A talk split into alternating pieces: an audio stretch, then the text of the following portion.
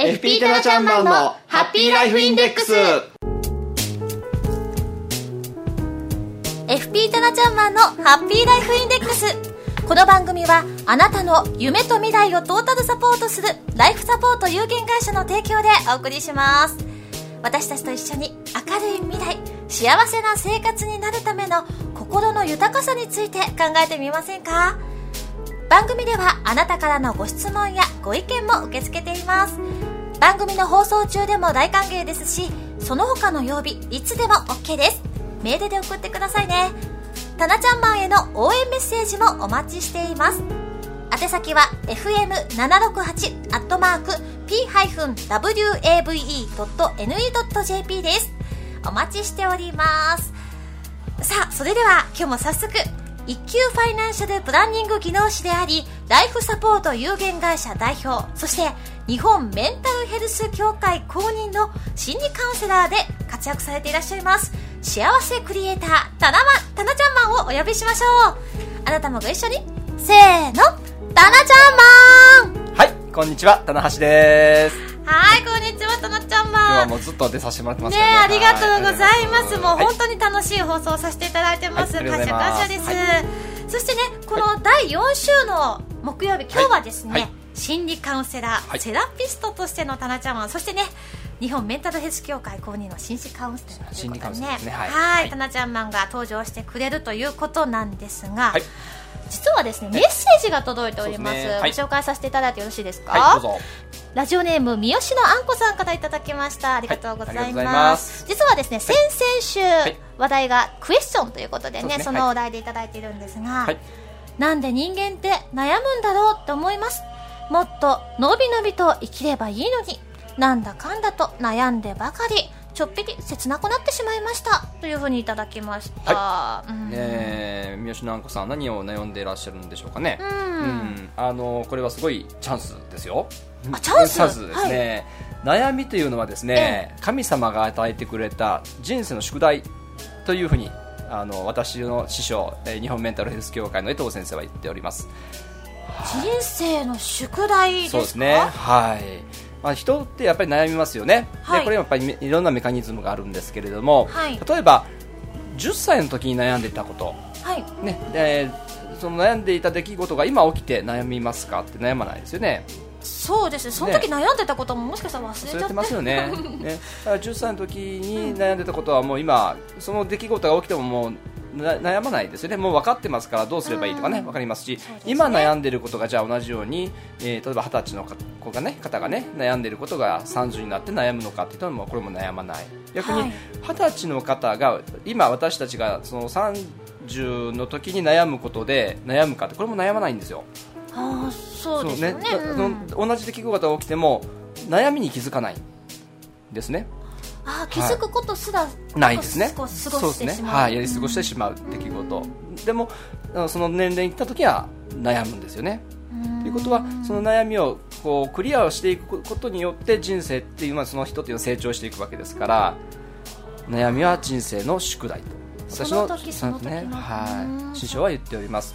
はい。まあそういう意味でもね、やっぱり悩みってやっぱり心地いいものではないですよね。そ。の時はねね。自分その悩んでる本人にとってはね。ね、くまあまあ、まあ、人生の宿題と思えばいいんですけれども、それでもやはり心地いいものではないので、ええ。じゃあどういうふうに対処すればいいのかということですけれども、うん。あのー例えばですね、えー私という人間がいます。はい。で、えー、ちなみさんがはい。私のことを好きか嫌いかっていうとどちらですか？好きですよ。ありがとうございます、はいその言葉をも待ってました、はい。そういう問題じゃなくて、ね、ちなみさんは好きですと言ってくださいますけれども、別の人から見ると私のことを嫌いかもしれないじゃないですか、ましね。ね人それぞれあるといえば。それぞれね、やっぱり好みはありますんで、ん。えー例えば会社に行って上司、うん。ねえー私はその上司のことを好きだけれどもちなみさんはその上司嫌いっていうかもしれない。そうですよね。うん。はい。それはあるかもしれないですね。で今日例えばお天気雨降ってますよね。はい雨降って嫌だなって思う人もいれば、例えばスポーツが苦手な人で、今日運動会だったら雨降って嬉しいじゃないですか。聞いて思うかもしれでますせんねよね。だから、うん悩みっていうのは出来事が悩みを起こしてるわけじゃないんですよ。はいはいどういうことかというと、例えば雨降って嫌だなって思うで、まあ、まあ一般的にはそう思いがちですけれども今日運動会でにスポーツが苦手な人は雨降って嬉しいんですよね。ということは出来事同じ出来事は同じですよね。雨が降るという、うんはいですよねね。出来事は同じなんだけども感情が違うんですね。嬉しいとかな、まあ、悲しいというかね嫌だなっていうのうん。両極端じゃないですか。これはい。何かというと、心の捉え方なんですよ。心の捉え方、はい。雨降って、まあ、雨降って嫌だな、鬱陶しいなっていうのはもうそのおーまあ外に出かけるのがね面倒だっていう捉え方ですね。で、片や今日雨降って、えー運動会が中止になって嬉しいな。要は捉え方なんですね。どう捉えるかによって、えー感情が違ってきます。まあ心の持ちようといそうこととにこですねなるんでしょうか？そういうことです。わかりやすく言うとそういうことですね。なので悩みっていうのはその人の捉え方なんですね。出来事が悩みを起こしているんではなくて、えーどう捉えるか。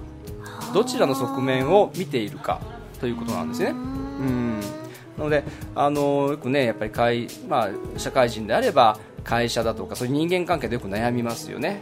会社に入るとやっぱりそうですね。ね。だから例えばその上司であの上司はすすぐ怒るし、ガミガミ言うし、はい。鬱陶しいなって思う人もいれば、違う人はあの人はそうだけどでも分かりやすくていいじゃないって。あはっきりしてていいじゃないとか、うんうん。よく言う人もいるじゃないですか。そうね。だからそういうふうに見ればこう人間関係もね悩まぬ悩むまあ悩まなくなるということはないとかもしれませんけれども度合いがね少しずつ変わってきますしどう捉えるかであの悩まなくなるというかね変わりますんでね。そういうふうに人間関係とかそうかもしれません。ね。一度なんかこう嫌いと思っちゃうと、うん。もうそのこう固定概念がはいこう前面に出てしまって、はい。向こうも思ってるんじゃないかと思っちゃいますもはいはいはい。そうですそれをちょっねと捉え方を変える変えるですね。とい。うことなんですね。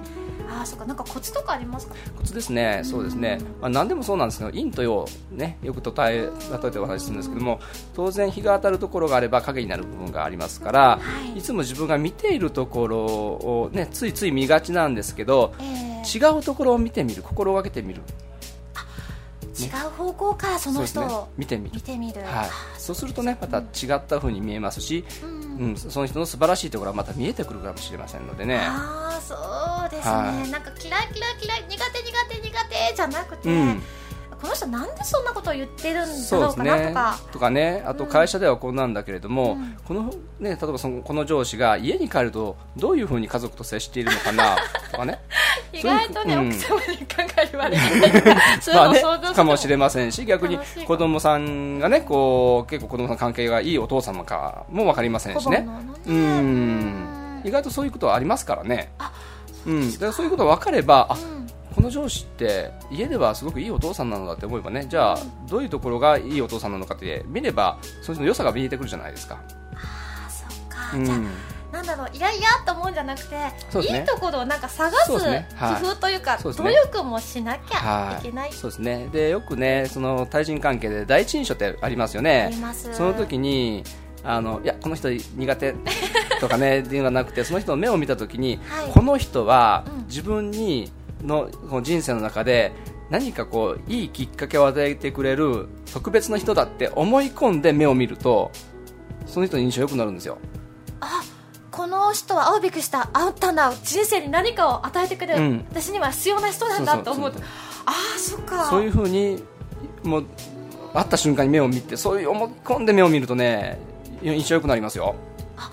それならなんかできそうですね、うん。なんかまずそう思って入るっていうと、はい。じゃあ自然と目を見て話すこともできますしそうですね。逆に目を見て話す人ってなんかこうポイント高いじゃないですすね。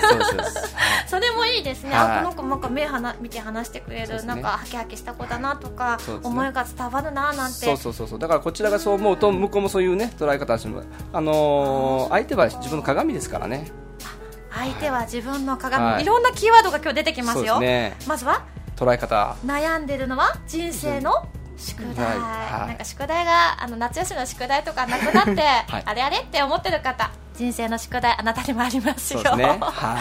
そしてね先ほどのねあの、目を見て話すおねそそうですね。その人は自分に必要な人なんだと思い込んで接していくはいということ、ね、これから、ま、あの新社会人の方っていうのはその時期は過ぎましたけれども、は来年が自分たちが先輩になって後輩が入ってきた時に、自分が思ってたような嫌な先輩になるんじゃなくてそうですね。はい。こういう風な先輩像でいようっていうのもね今からこうチャレンジしていくのもい。いかもしれません、そうですね。ちょうど半年が過ぎて。そうですね。ちょうど半年ですね。はい、うん、切り替えてこういう風にありたいななんていう像とかもね、うん上げていただければいいんじゃないかなはい。なんて思います、今日はねラジオネーム三好のあんこさんのメッセージからね今日は人間ってどうして悩むんだろうね。はい。どんな風にしたらいいかということをね教えていただきました、ありがとうございます、はい。ぜひね、ライフサポート有限会社のホームページもチェックしてみてください。過去の放送分が聞けますよ。また、タナちゃんマンと入れていただいてもヒットします。ちゃんだけがひらがなになっています。また、FM ポートウェーブ、FM 四日市のホームページのトップには、この FP タナちゃんマンのハッピーライフインデックスの紹介コーナーがありますからね、はいぜひそこからアクセスしてみてください。今日の放送もね、ねはい後でアップしていただけますのでね、はい聞いていただければと思います。そして、タナちゃんマンが次回登場してくれる第2木曜日は、一級ファイナンシャルプランニング技能士としてのタナちゃんマンが明るい未来、幸せな生活になるためのマネーライフのお話をしてくれますよ。はいお楽しみに。はい次回はね、来月になります。第2週10月14日、すね。木曜日になります、はい。お楽しみに。楽しみ4時40にしてください。分からになりますね。そうですお楽しみに。それでは次回は10月14日にお耳にかかります、はい。それでは皆さん。バイババイバイ